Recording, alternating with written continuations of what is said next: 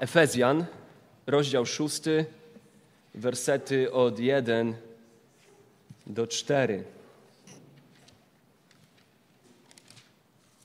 Jesteśmy w miejscu, kontynuujemy fragment, który od 500 lat bibliści nazywają Hausstefeln, tak zwany kodeks chrześcijańskiego domu, nowotestamentowy kodeks domostwa. Dom na kształt Boży, według zamysłu Bożego. Tak naprawdę zaczyna on się od wersetu 18, 5 rozdziału już, ponieważ jest to dom, który jest pełen Ducha Bożego. Paweł szczególnie zwraca się do chrześcijan, do chrześcijan, chrześcijanek żon, chrześcijan mężów, chrześcijańskich dzieci, chrześcijańskich rodziców, a potem dalej w szóstym rozdziale chrześcijan niewolników, sług, czy też potem chrześcijańskich panów. I jest to dom, który jest pełen Ducha Bożego, dlatego że to wszystko, o czym Paweł pisze, choć oczywiście wiążące jest jako prawo Boże dla wszystkich, dla całego stworzenia, tak możliwe jest tylko dla tych, którzy Ducha Świętego pełni są. Te rzeczy są niczym innym jak wypływem, manifestacją tego, że człowiek chodzi w pełni Ducha Świętego. Obfituje w słowo Chrystusowe, jak mówi Paweł w liście do Kolosan. I dzisiaj kończymy ten temat małżeństwa i miłości mężów, żon. I Paweł zaczyna zwracać się do e, rodziców i do dzieci. Przechodzi do tematu rodzicielstwa. I czytamy od wersetu pierwszego do wersetu czwartego, szóstego rozdziału listu Pawła do Efezjan. Dzieci, bądźcie posłuszne rodzicom swoim w Panu, bo to rzecz słuszna. Czci ojca swego i matkę to jest pierwsze przykazanie z obietnicą, aby ci się dobrze działo i abyś długo żył na ziemi. A wy, ojcowie, nie pobudzajcie do gniewu dzieci swoich, lecz napominajcie i wychowujcie je w karności dla Pana. Temat bardzo ważny. Szatan od zawsze zajęty jest tym, żeby atakować to, co Boże, w tym też oczywiście i rodzinę. Rodzina nie jest wymysłem ludzkim, nie jest wytworem ewolucji, jakimś tworem społecznym, kulturowym. Rodzina jest wymysłem Bożym. Stworzył człowieka, by ten w małżeństwie mógł rozradzać się, tworzyć rodziny. I szatan, będąc tym, który jest zawsze zainteresowany atakowaniem wszelkiego, co Boże, tak też i oczywiście jest zainteresowany atakowaniem rodziny, czegoś, co jest zamysłem Bożym aż od stworzenia i oczywiście dla stworzenia.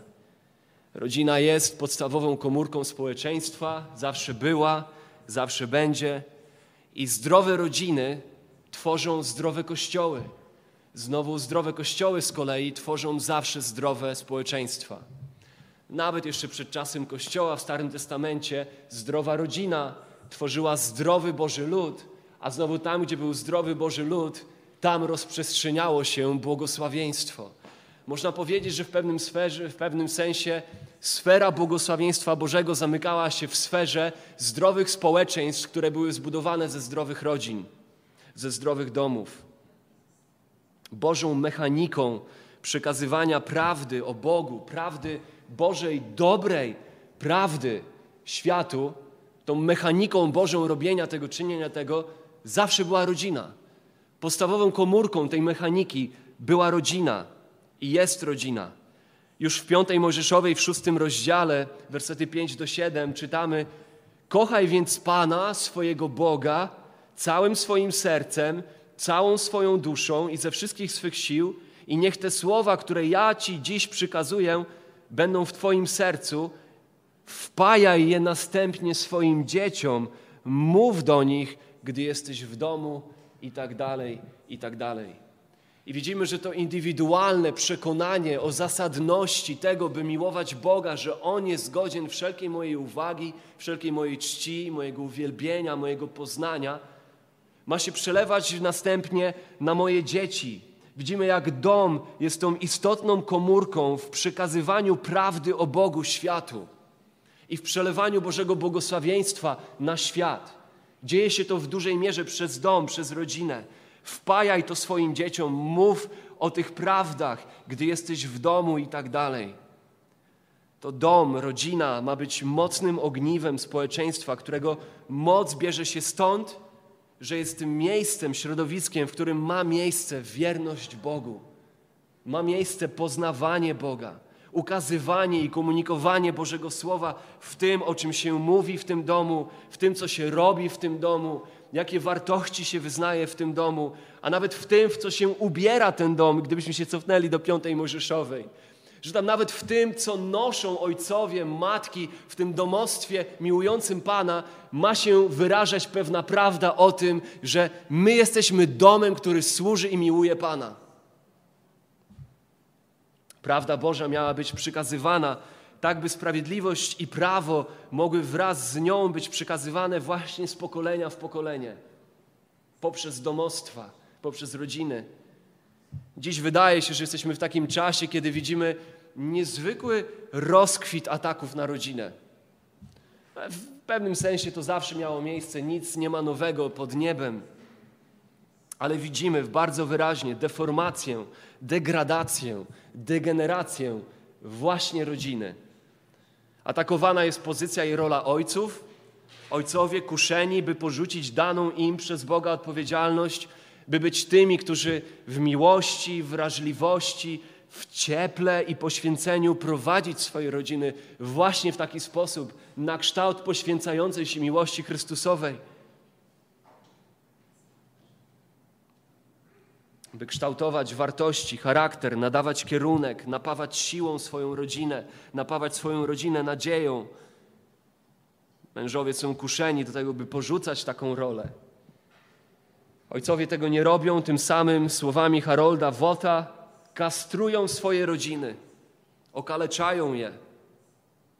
Na ojców spojrzymy następnym razem, na to, co Słowo Boże mówi tutaj w czwartym wersecie do ojców. Atakowana jest też rola i pozycja matki, kobiety. Kobiety przez presję społeczeństwa, przez nowe filozofie, przez światopogląd wypychane są z domu pod pretekstem oferowania im równouprawnienia, równouprawnienia, gdzie w rzeczywistości są tak naprawdę jeszcze bardziej wykorzystywane przez mężczyzn.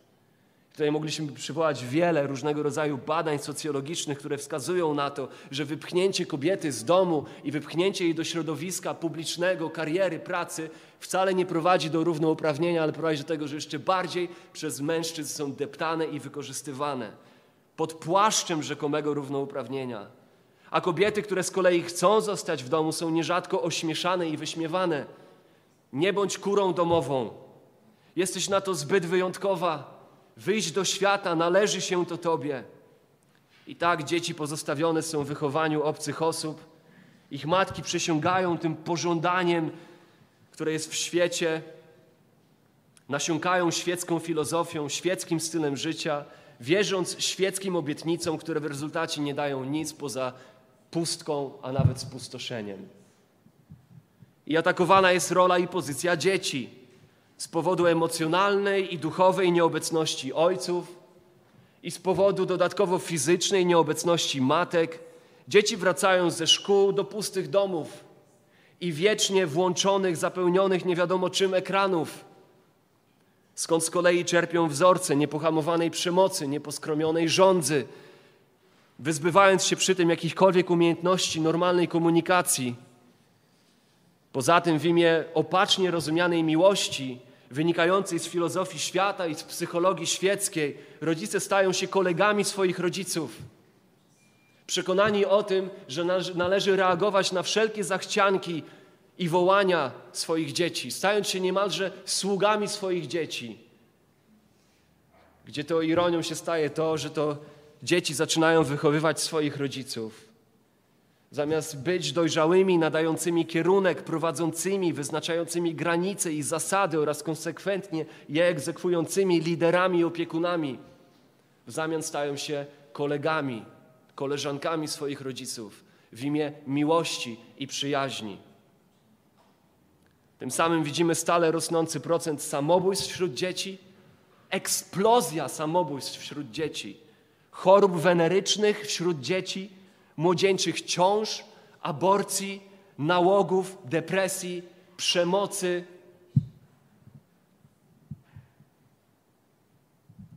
A ciągle dążącemu do dominacji w tym świecie socjalistycznemu systemowi oczywiście to pasuje. Jednym z nadrzędnych, ostatecznych dążeń takiego socjalistycznego myślenia, lewicowego myślenia jest zabrać dzieci z domu i z rodziny i oddać je w ręce państwa. Bo to przecież w końcu państwo wie lepiej, jak te dzieci wychować. Aby to państwo mogło je kształtować, mogło je formować. Bo przecież tylko w ten sposób można uniknąć tak zwanej indoktrynacji religijnej dzieci, tworząc społeczeństwa, obiecuje się nam neutralne, tolerancyjne, równe, spełnione, szczęśliwe.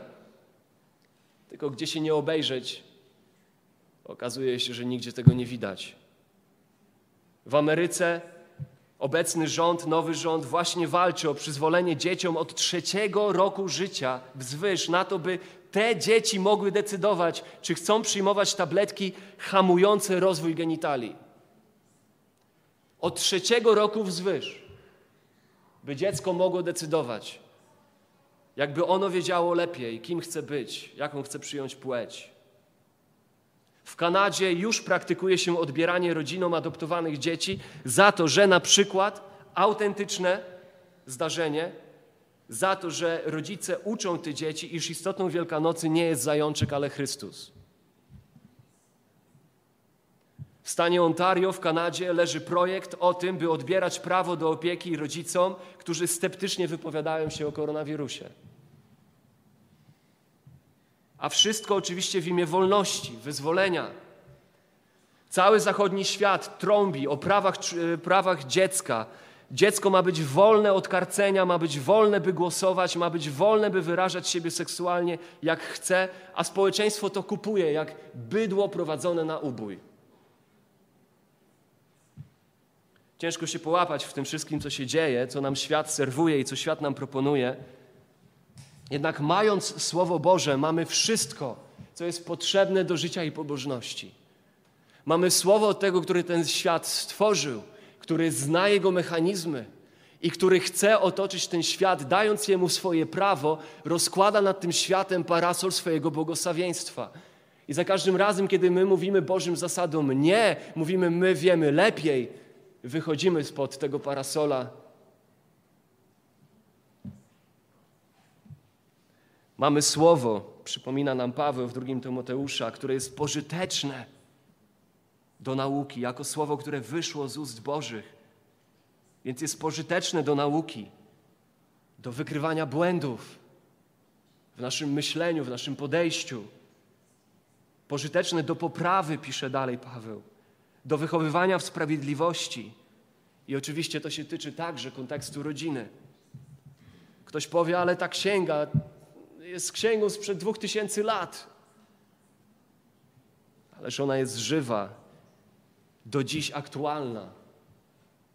Świat się nie zmienił, człowiek się nie zmienił, a już na pewno Bóg się nie zmienił.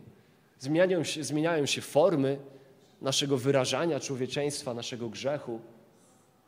Tak jak czasami forma wyrażania grzeszności zmienia się z gangstera, który biega z nożem po ulicach, na prezesa firmy, który te same rzeczy robi, tylko robi to podpisem na dokumentach.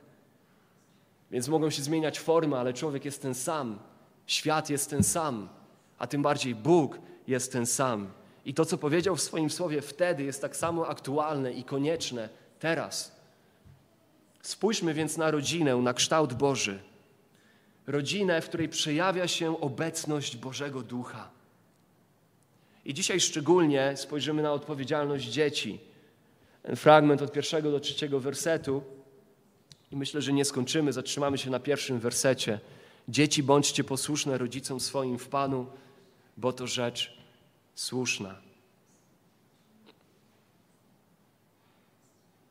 Zwróciłem uwagę, jest to coś, co bibliści nazywają Haustefeln, prawdopodobnie poczynając od Lutra, który to, to ten zwrot ukuł, stworzył. Swego rodzaju kodeks chrześcijańskiego domu, opisujący jakie odpowiedzialności, jakie obowiązki różne jednostki tworzące domostwo mają wobec siebie nawzajem. I tak właśnie w piątym rozdziale, wersety 22 do 33, czytaliśmy o odpowiedzialnościach i obowiązkach mężów i żon. Tutaj natomiast dzieci i rodziców w szóstym rozdziale od 1 do 4. Struktura tego tekstu właśnie jest taką strukturą podobną do tekstów obecnych w okresie Imperium Rzymskiego, kulturze greko-rzymskiej. Takich właśnie kodekstów opisujących e, odpowiedzialności, obowiązki domostwa. Stąd właśnie ten tekst przez biblistów jest kategoryzowany do, do właśnie kategorii kodeksów chrześcijańskiego domostwa. I chociaż on przypomina teksty obecne w czasach Imperium Rzymskiego, kultury greko-rzymskiej, to jego treść, treść tego, co jest tutaj zapisane w tych czterech wersetach, jest wyraziście inna. Strukturalnie podobna, ale jego treść jest niezwykle inna. Bo instrukcje Pawła zawarte tutaj w tym kodeksie domostwa, jeżeli tak byśmy chcieli to nazwać, są naładowane teologią. Są bogate w treść o tym, kim jest Bóg i co z tego wynika. Bo ten tekst od piątego rozdziału, dwudziestego wersetu do szóstego rozdziału, wersetu dziewiątego, on nie jest ugruntowany w samej etyce, którą przyjął Paweł. Ten tekst w ogóle nie jest odizolowany od reszty tego listu. Ten tekst nie wynika z jego jakiejś tam przyjętej moralności, ale musimy pamiętać, że ten tekst jest zakorzeniony w głębokiej teologii pierwszych trzech rozdziałów listu do Efezjan. Wszystko, co Paweł pisze od pierwszego wersetu czwartego rozdziału, jest zastosowaniem tej głębokiej teologii, którą opisał w pierwszych trzech rozdziałach. I dopiero w czwartym rozdziale Paweł mówi: Tak więc napominam Was, więzień w Panu, abyście postępowali, jak przystoi na powołanie Wasze. Mając na uwadze wszystko to, co Wam napisałem, że jest prawdziwe w Chrystusie w pierwszych trzech rozdziałach, biorąc to pod uwagę, teraz chcę Wam powiedzieć, jak w oparciu o to należy postępować. Także i w domostwie, i w rodzinie. Więc musimy pamiętać, że ten tekst nie jest jakąś tam odizolowaną etyką przyjętą przez Pawła, jakąś tam odizolowaną moralnością, ale jest zastosowaniem głębokiej teologii opisanej w pierwszych trzech rozdziałach. Ten tekst nie jest jedynie moralnym wezwaniem, powiem Ci, jak być lepszą żoną, jak być lepszym mężem, jak być dzieckiem, jak być rodzicem, jak być panem, jak być sługą. To nie jest przesłanie tego tekstu. Ten tekst jest czymś więcej. Ten tekst, jak wszystko właśnie w tych trzech ostatnich rozdziałach, w drugiej połowie tego listu, jest zastosowaniem tego, co tak obszernie opisywał w pierwszych trzech rozdziałach, czyli niezmierzonego bogactwa, jakie posiadają w Chrystusie ci, którzy przez Niego zostali umiłowani. I tam czytamy w pierwszych trzech rozdziałach wybrani, usynowieni, odkupieni, pojednani, ożywieni, posadzeni w okręgach niebieskich i uczynieni nowym dziełem do nowych, dobrych uczynków.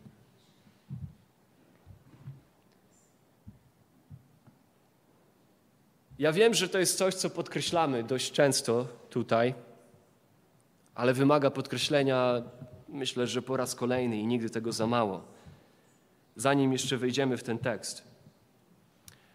Prawdziwe chrześcijaństwo nie jest wezwaniem do samopoprawy.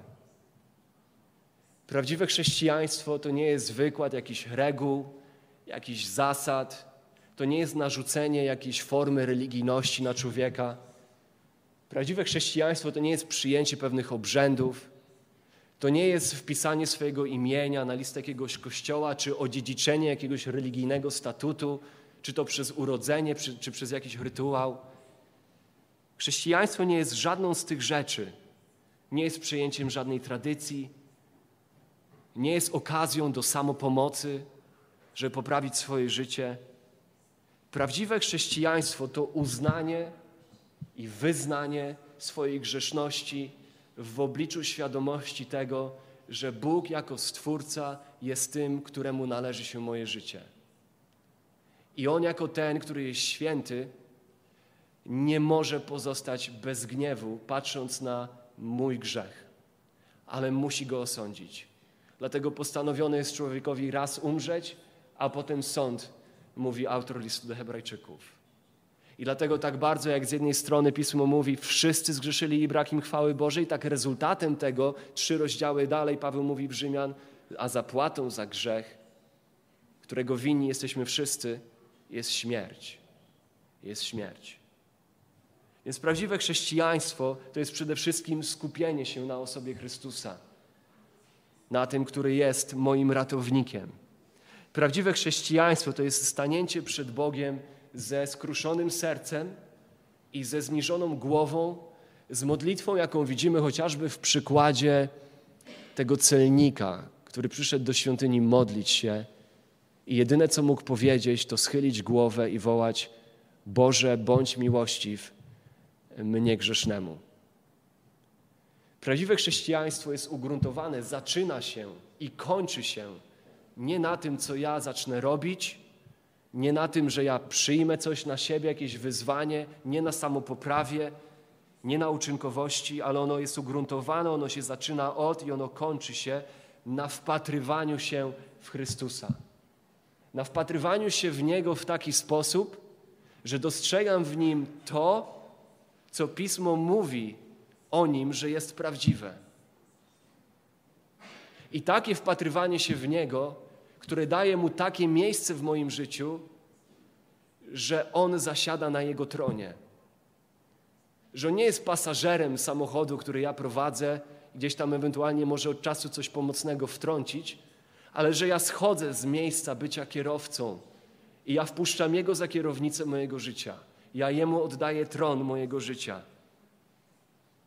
Prawdziwe chrześcijaństwo polega na wyznaniu, na świadomości, że ja potrzebuję przebaczenia grzechów, że ja potrzebuję pojednania z Bogiem, że ja potrzebuję Zbawiciela, zanim będę potrzebował jakiejkolwiek samopoprawy, że ja potrzebuję ratownika i że wiedząc to, co wiem o Chrystusie, rozumiem, że potrzebuję Chrystusa.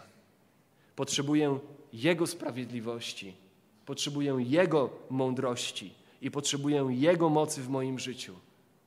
To jest rozumienie tego, że Rzymian 3,23 wszyscy zgrzeszyli brak, ich, brak im chwały Bożej, że to jest o mnie, że to jest o mnie prawda. To ja jestem tym, który jest grzeszny i któremu brak chwały Bożej. To jest istotą prawdziwego chrześcijaństwa. W tym sensie prawdziwe chrześcijaństwo jest porzuceniem siebie, jest zaprzestaniem wpatrywania się w siebie i to, co ja z tego mogę mieć, albo to, co w tym zadziała, to, co mi pomoże w zyskaniu jakichś tam rzeczy, których w życiu szukam, ale jest porzuceniem siebie i jest uchwyceniem się Chrystusa. Jest uchwyceniem się Chrystusa jako tego, który w moje miejsce żył. Żył takim życiem, jakim ja właśnie nie byłem w stanie żyć. I nie jestem w stanie żyć. I nie byłbym w stanie żyć. Ja zawsze łamałem Boże prawo, łamię Boże prawo i będę łamał Boże prawo. I prawdziwe chrześcijaństwo jest takim uchwyceniem się Chrystusa jako tego, który w moje miejsce swoim życiem doskonale wypełnił Boże prawo. Urodził się w ludzkim ciele pod prawem Bożym i wypełnił standardy Bożego prawa, bym mógł przed oczyma przez moją wiarę i ufność złożoną w Nim, w Jego doskonałym życiu, być okryty Jego sprawiedliwością, mówi Pismo. Sprawiedliwość, która nas zbawia przed Bogiem, to nie jest sprawiedliwość Twoich uczynków i Twoich religijnych rytuałów, obrzędów. Sprawiedliwość, która zbawia nas przed Bogiem, to jest sprawiedliwość Chrystusa, która staje się nasza przez naszą wiarę i ufność złożoną w Nim. Prawdziwe chrześcijaństwo jest takim chwyceniem się Chrystusa jako tego, który w moje miejsce nie tylko żył, ale oddał życie będąc tym, który przyjął na siebie sprawiedliwy i sprawiedliwie nagromadzony gniew Boży przeciwko moim grzechom i moim nieprawościom, mojej zawiści, mojej obłudzie, mojemu fałszu, mojemu kłamstwu, mojemu złodziejstwu i moich oszczerstw, i mojej nienawiści, i mojej złości, i mojemu pijaństwu, i moich nałogów i mojej nieczystości, rozpusty i bluźnierstwa. To z powodu tych rzeczy On oddaje życie, by w moje miejsce na Niego wylał się gniew Boży nagromadzony z powodu moich grzechów. Grzechów moich myśli, grzechów moich słów i grzechów moich czynów. On wziął karę za występki moje, jak pisze Izajasz, starty za winy moje, ukarany dla mojego zbawienia. I prawdziwe chrześcijaństwo jest uchwyceniem się Chrystusa nie tylko jako tego, który żył, nie tylko jako tego, który umarł w moje miejsce, ale jako tego, który nie pozostał martwy, ale pogrzebany po trzech dniach powstał do życia, jako ten, którego życie i śmierć zadość uczyniły za moje grzechy, za grzechy tych, za których umarł i który teraz jest żyjącym Zbawicielem i żyje na wieki, jak mówi Pismo, by na wieki wstawiać się za swoimi przed Ojcem. Jako tego, który umarł za nas, który żyje na wieki i przez Jego zmartwychwstanie Bóg postawił na nim pieczęć, mówiąc: Przyjąłem życie Twojej sprawiedliwości i Twoją ofiarną, zadość czyniącą śmierć za grzechy tych, za których umierasz. Zapłatą za grzech jest śmierć, ale darem łaski Bożej jest życie wieczne w Chrystusie Jezusie Panu naszym. Tak więc, jeżeli kiedykolwiek słyszysz coś z nauczania Bożego Słowa na temat zamysłu Bożego dla życia ludzkiego, nawet w kontekście rodziny, małżeństwa, i wyda się to Tobie atrakcyjne, to wiedz, proszę, że Bóg wzywa wszystkich wszędzie najpierw do upamiętania do zawrócenia i zwrócenia się ku Niemu wiarą i ufnością. Na tym opiera się i z tego jedynie wynika, wypływa moc do życia, do którego On następnie nas wzywa. Jeżeli jesteś osobą, która nie posadziła Chrystusa na tronie swojego życia, nie wyznała swojej grzeszności, nie zawróciła ze swojej drogi, nie uchwyciła się Niego w taki sposób, jak to opisałem, to jeżeli cokolwiek w Bożym Słowie wyda się Tobie atrakcyjne, to ogromną porażką byłoby wyjść stąd i myśleć, że ja mogę to w życiu zastosować i to w jakiś sposób uczyni mnie chrześcijaninem.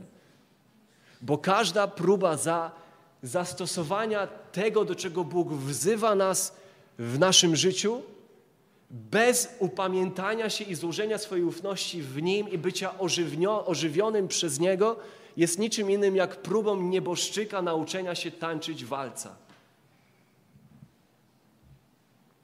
A jeżeli cokolwiek, ktokolwiek usłyszy z tego, co tutaj głosimy, chociażby z zamysłu Bożego dla rodziny, wydaje mu się głupie i niedorzeczne, a na pewno tak będzie dla wielu, to oczywiście my nie dziwimy się.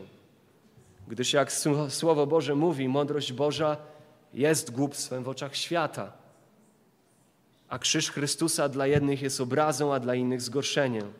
zgorszeniem. Natomiast tylko dla tych, którzy wierzą, jest mocą Bożą. Tak więc wracając do zamysłu Boga wobec rodziny, patrzymy na Efezjan, szósty rozdział, pierwszy werset do czwartego, który mówi o odpowiedzialności dzieci i rodziców. Chciałem tylko Wam krótko, jakbyście spojrzeli w tekst, pokazać Wam tą płynność myśli kiedy może w przyszłości wrócicie do tego fragmentu, żeby, żeby pomóc Wam zrozumieć, skąd wypływają różne mm, punkty kazania, jak to wypływa z tekstu, żeby zrozumieć ten flow, płynność tego tekstu i myśli Pawłowej. Spójrzmy na to. To jest bardzo proste. To jest bardzo proste. Wersety od 1 do 3 e, w odniesieniu do dzieci. Widzimy, e, główna myśl jest bardzo klarowna, to jest wezwanie, to jest przykazanie. Ono jest dwa razy powtórzone. Ono pojawia się w pierwszym wersecie. Dzieci, bądźcie posłuszne rodzicom. I potem w drugim wersecie to przykazanie jest powtórzone. Tylko zwrócona jest uwaga na inny wymiar tego przykazania. Więc mamy drugi raz powtórzone: czci ojca swego i matkę. Więc widzimy, że głównym przesłaniem jest dzieci. Chcę, żebyście wiedziały, że Bóg wzywa Was do pewnego postępowania wobec rodziców i do pewnej postawy. I to przykazanie w wersecie pierwszym wskazuje na nasze postępowanie dzieci, bądźcie posłuszne, wskazuje na czyny dziecka. Rozdział drugi wskazuje na ten drugi wymiar tego przykazania, czyli na postawę. Jak być posłusznym? Być posłusznym z nastawieniem czci i szacunku do rodziców. I dalej w tych trzech wersetach spójrzcie, ta myśl jest prosta, bo każde przykazanie, znaczy w ogóle ono to jest jedno przykazanie, tylko z dwóch stron Paweł na nie patrzy, ale to przykazanie do posłuszeństwa i do czczenia rodziców jest jakby obrane w motywację. Tam są trzy motywacje i to jest koniec tego fragmentu. On ma jedno przykazanie, dwa razy powtórzone, otulone, ubrane w motywację. Dla, dlaczego być posłusznym? Dlaczego czcić Ojca? I tak w wersecie pierwszym mówi, bo to jest rzecz słuszna. Bo to rzecz, rzecz słuszna. W wersecie drugim mówi, bo to jest przykazanie powiązane z obietnicą. I potem mówi, aby ci się dobrze działo i abyś długo żył na ziemi. Wyjaśnia tę obietnicę. Więc myśl jest bardzo prosta. Spójrzmy najpierw na coś, co może na pierwszy rzut oka możemy nie widzieć tego w tym tekście, ale to jest tam obecne, a mianowicie spójrzmy na wartość dzieci w Królestwie Bożym. Pierwsza myśl, która wyłania się z tego fragmentu, z tego, że ten fragment w ogóle jest tutaj, w Bożym Słowie, w liście do Efezjan, w liście tak, tak teologicznym, tak wzniosłym, zawierają się słowa, które zwracają się do dzieci. Wartość dzieci w Królestwie Bożym. Pierwsza myśl. Chciałbym, żeby to była taka pierwsza rzecz, którą widzimy w tym tekście. W tym, w tym tekście. Wartość, jaką dzieci miały we wczesnym Kościele. Po pierwsze, wyjątkowy już jest sam fakt, że właśnie w takim liście e, do zboru, do kościoła, Paweł zwraca się bezpośrednio w pierwszej osobie do dzieci. Czyli to jest założenie, że te dzieci tam są, w tym kościele, one są tam obecne na zgromadzeniu kościoła, prawdopodobnie na nabożeństwie, kiedy ten list jest odczytywany. Po drugie, jeszcze bardziej wyjątkowy jest fakt, że zwraca się do dzieci, a nie na przykład do chłopców. To czyni ten fragment jeszcze bardziej wyjątkowym, jeszcze bardziej wskazuje na wartość dzieci, wyjątkowość dzieci w pojmowaniu Kościoła, chrześcijańskiego Kościoła nowotestamentowego. Że nie zwraca się na przykład tylko do chłopców, Widzimy tutaj, jak ważną częścią społeczności, zgromadzenia Kościoła były dzieci. W starożytności dzieci w ogóle nie były ani cenione, a w szczególności właśnie dziewczynki. Jest mnóstwo starożytnych świadectw tego, jak dzieci były źle traktowane. W kulturze greko-rzymskiej nie było czymś rzadkim porzucanie dzieci na śmietniskach, by ludzie potem z tych śmietnisk mogli sobie przygarniać te porzucone dzieci a następnie wychowywać na przykład te dzieci na gladiatorów, albo na prostytutki, albo na niewolników. Kościół w tym aspekcie, który jest widoczny, wyłania się chociażby w tym fragmencie, jest całkowicie inny w swoich wartościach na tle kultury greko-rzymskiej. Kościół od początku obdarzał dzieci ogromną wartością. Oczywiście przejął to od samego Jezusa który to w sytuacji, kiedy to uczniowie chcieli przeganiać dzieci jako niewygodne zaburzenie cennego czasu i energii ich mistrza, Jezus zwrócił się do nich takimi słowy: Zostawcie dzieci w spokoju i nie zabraniajcie im przychodzić do mnie, albowiem do takich należy Królestwo Niebios. My, my nie czujemy ciężaru tych słów. Dzisiaj w naszej kulturze, która w dużej mierze jest spuścizną takiej judeo-chrześcijańskiej kultury, nie czujemy tego tak, jak ta ciężkość byłaby odczuwana tam wtedy. To, jak wyjątkowo Chrystus potraktował dzieci. I to oczywiście z kolei też nie było niczym nowym, bo to odzwierciedlało serce Boga ukazane już w Starym Testamencie, który to uczy chociażby w Psalmie 127, że dzieci są ważnym, istotnym błogosławieństwem od Pana. Są błogosławieństwem od Pana. John Stott, pewien biblista, pisze w swoim komentarzu do listu do Efezjan. Taka postawa Kościoła wobec dzieci, on się do tego odnosi, była radykalnie inna od skamieniałego okrucieństwa, jakie dominowało w Imperium Rzymskim, gdzie niechciane dzieci były porzucane, słabe i chore były mordowane, a nawet zdrowe dzieci były przez wielu uważane za niedogodność, ponieważ były przeszkodą do rozpusty seksualnej, a także komplikowały zasady, łatwe rozwody. Kościół, tak jak czynił to od początku, tak też powinien czynić to nadal, powinien cenić, z radością przyjmować i celebrować dzieci. Rozumiemy, że każde życie jest dziełem Bożym. Każde życie jest darem Bożym. Rozumiemy, że rodzice są wezwani, świętym wezwaniem, by o dzieci się troszczyć, by dzieci cenić i pokazywać im miłość Chrystusową. To, że Kościół, patrząc praktycznie na ten fakt wezwania nas do tego, byśmy cenili dzieci, to to, że Kościół powinien cenić dzieci, powinno się objawiać nie tylko tym, że walczy głośno przeciw aborcji, to jest jakiś tam minimum, oczywiście zawsze powinien stawać przeciwko aborcji, ale także, że szuka sposobów, by wspierać na przykład adopcję, by wspierać rodziny zastępcze, by wspierać samotnie wychowujące dzieci matki.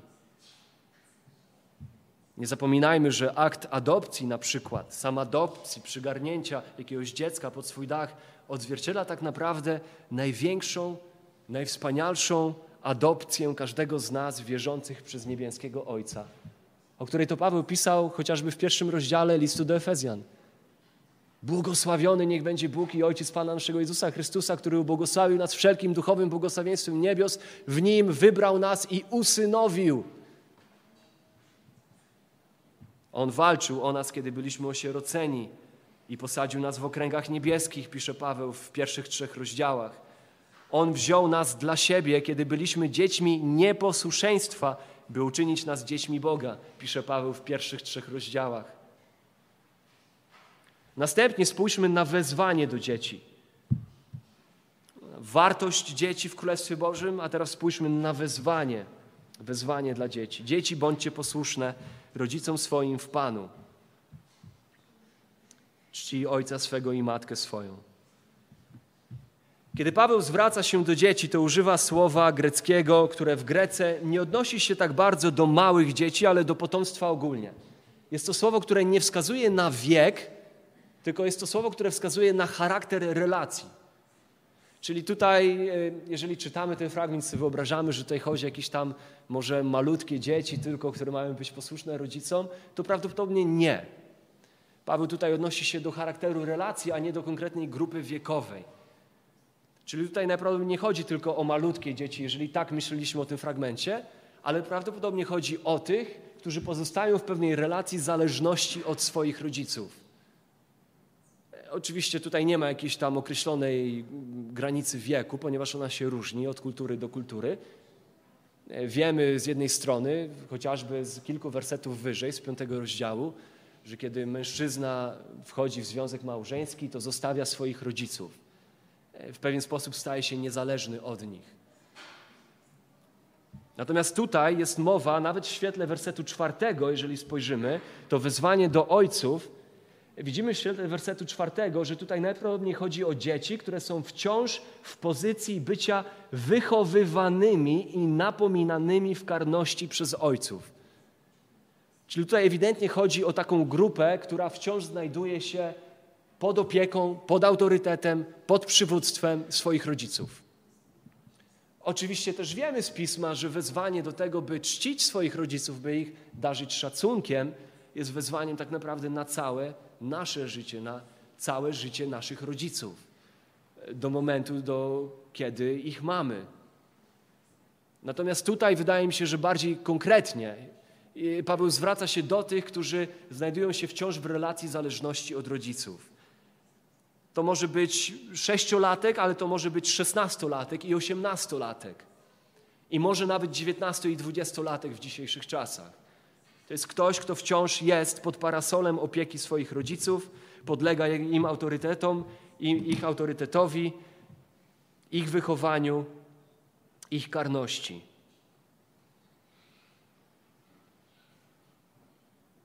Dzieci, bądźcie posłuszne rodzicom i dzieci czcijcie rodziców. To jest to wezwanie. Tak jak powiedziałem, to jest jakby spojrzenie na to samo wezwanie z dwóch stron. Z jednej strony wezwanie do postępowania, z drugiej strony wezwanie do postawy. Najpierw posłuszeństwo. Do czego Paweł wzywa, wzywając do posłuszeństwa? No, używa tutaj czasownika, który oznacza takie absolutne podporządkowanie się pod kogoś, bycie pod kimś. Z greki ma znaczenie, zawiera w sobie e, element słuchania, poddanego słuchania. Słowo posłuszeństwo zawiera w sobie w Grece element słuchania. To jest ciekawe, bo w języku polskim to się zachowało. W języku angielskim na przykład nie, ale w polskim tak. Słowo posłuszeństwo zawiera w sobie posłuch, słuchanie. To jest darzenie kogoś posłuchem. To jest danie rodzicom posłuchu w swoim życiu. To jest bardzo ważne dla Was, młodzi ludzie, którzy jesteście wciąż pod opieką swoich rodziców. Bo gdzieś tam w życiu każdego młodego człowieka przychodzi taki moment w wieku 10, 12, 13, 14, może 15, 16 lat, ale ten moment przychodzi, gdzie wszystko wokół, wszystkiemu wokół i wszystkim wokół dajemy posłuch, ma, ma posłuch, za wyjątkiem rodziców. Wydaje nam się, że nasi rodzice są najgłupsi, najmniej o życiu wiedzą, są ostatnimi, których powinniśmy słuchać, do których powinniśmy zwracać się poradę. Natomiast wszystko inne w świecie, nasi rówieśnicy, to co widzimy w internecie, filmiki, które obejrzymy na YouTubie, to jest prawdziwy autorytet naszego życia. A więc Paweł przypomina: nie, nie. Bądźcie posłuszni rodzicom swoim. To jest obiekt, który powinien mieć największy posłuch w waszym życiu, mówi Paweł. To jest obiekt, któremu powinniście się podporządkować, poddać w swoim postępowaniu. Posłuszeństwo oznacza zgodę na wykonywanie poleceń. Posłuszeństwo w tym sensie oznacza stawianie siebie w pozycji uległości słowom i autorytetowi moich rodziców. Dalej widzimy, że w Panu, Paweł mówi, dzieci bądźcie posłuszne rodzicom swoim w Panu. Ten zwrot w Panu najprawdopodobniej odnosi się do tego, do czego ten zwrot już odnosił się wcześniej w Efezjan 5:25 i potem się odniesie jeszcze raz w Efezjan 6:5, czyli kiedy Paweł mówił o relacji mężów i żon, kiedy będzie mówił o relacji sług i panów, tutaj kiedy mówi o relacji rodziców i dzieci. W każdym z tych przypadków, chociaż troszeczkę inaczej Paweł to w słowa ubiera, to ten zwrot w Panu odnosi się najprawdopodobniej do tego samego. Czyli do czego?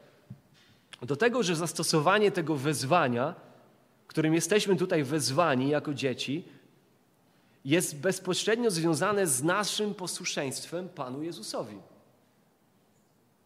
Dzieci, bądźcie posłuszne rodzicom swoim w Panu, jest niczym innym jak zwróceniem naszej uwagi, tych dzieci będących w kościele, tych dzieci, które najprawdopodobniej wyznawały wiarę w Chrystusa, że ich posłuszeństwo rodzicom jest wyrazem ich posłuszeństwa Panu Jezusowi. Że ich sposób odnoszenia się do rodziców jest ich sposobem służby Jezusowi. Jest sposobem, w jaki oni podobają się Chrystusowi.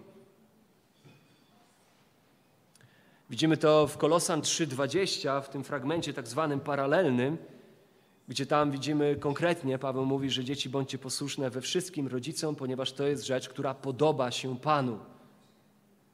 To jest rzecz, która podoba się Panu.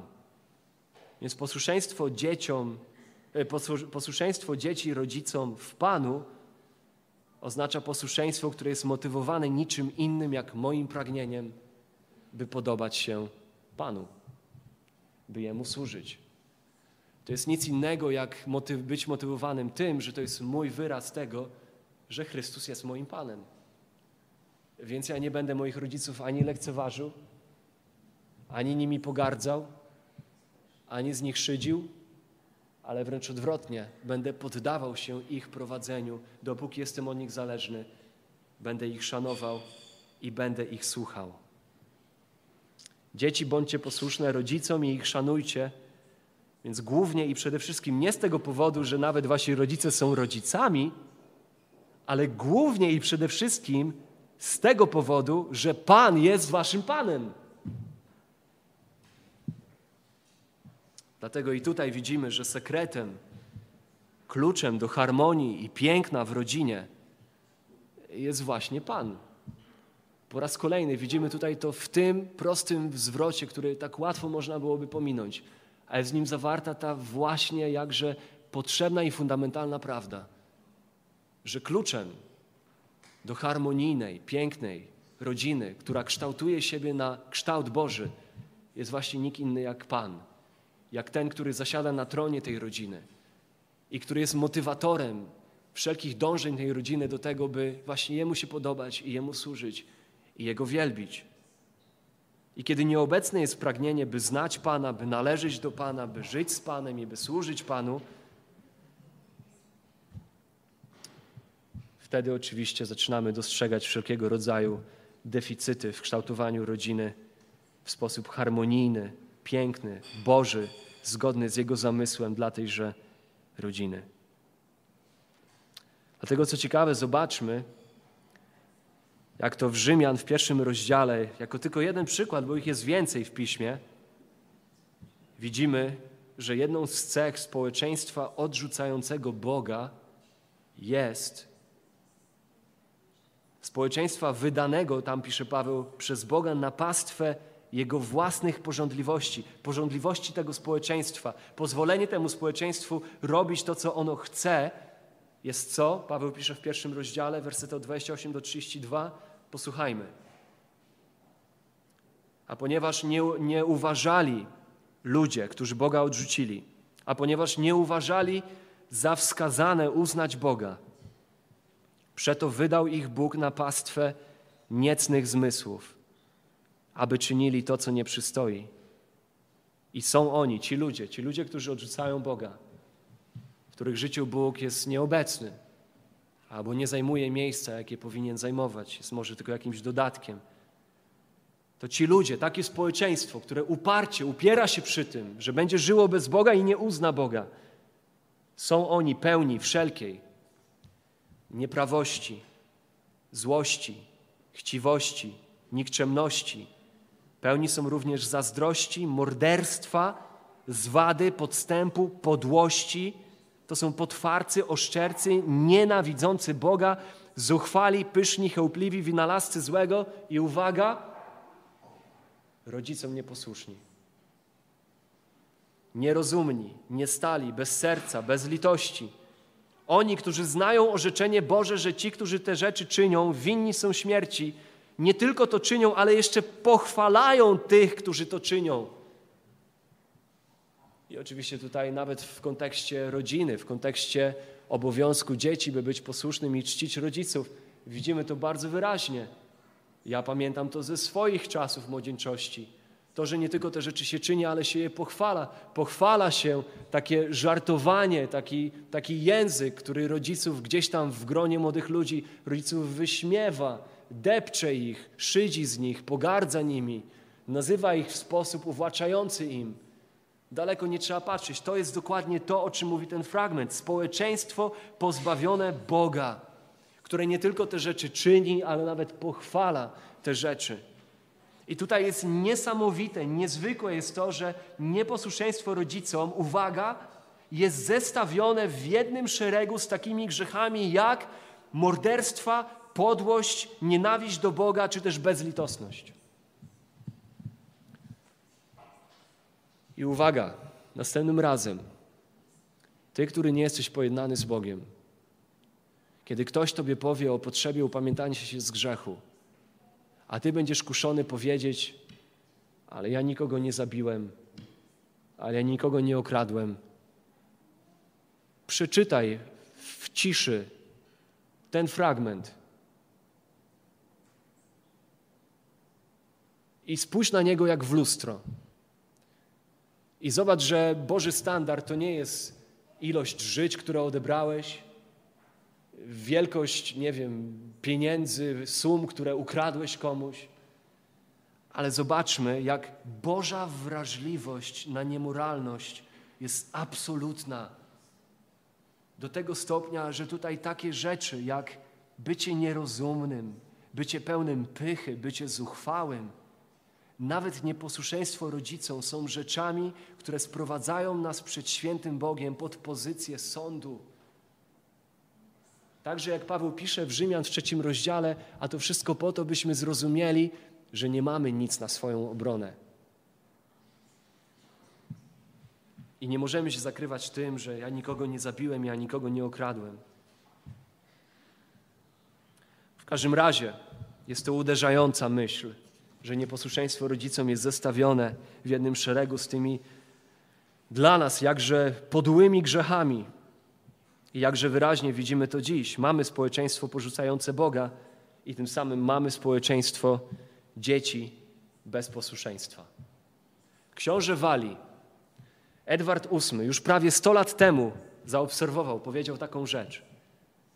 To, co w Ameryce zaskakuje mnie najbardziej, to to, jak rodzice są posłuszni swoim dzieciom. Dziś niestety tak wygląda rzeczywistość w większości zachodniego świata, w tym i Polski. W samych Stanach rocznie ma miejsce około 8 milionów napaści dzieci na rodziców. Nierzadko też podejmowane są próby morderstwa rodziców lub wynajmowania kogoś do ich zabicia. A często powodem jest po prostu nienawiść do rodziców za to, że rodzice próbują to wyzwolone dziecko w jakiś sposób kontrolować lub wprowadzają jakąś dyscyplinę w domu. Dzieci, którym stale się wmawia, że mogą robić to, co chcą i kiedy chcą, i że zawsze ma być po ichnemu, szybko stają się pokoleniem ludzi bezdusznych, pokoleniem ludzi szyderczych, bezwzględnych, z brakiem jakiegokolwiek poszanowania dla jakichkolwiek autorytetów i bardzo szybko zaczynamy dookoła dostrzegać społeczeństwo anarchii, chaosu, roszczeniowości, narcyzmu i bezprawia. Z drugiej natomiast strony Dzieci, które szanują i są posłuszne rodzicom, będą tworzyć społeczeństwo, które jest poukładane, harmonijne, uporządkowane i produktywne. I tego też w pewnym sensie dotyka ta obietnica, do której dotrzemy w przyszłym tygodniu.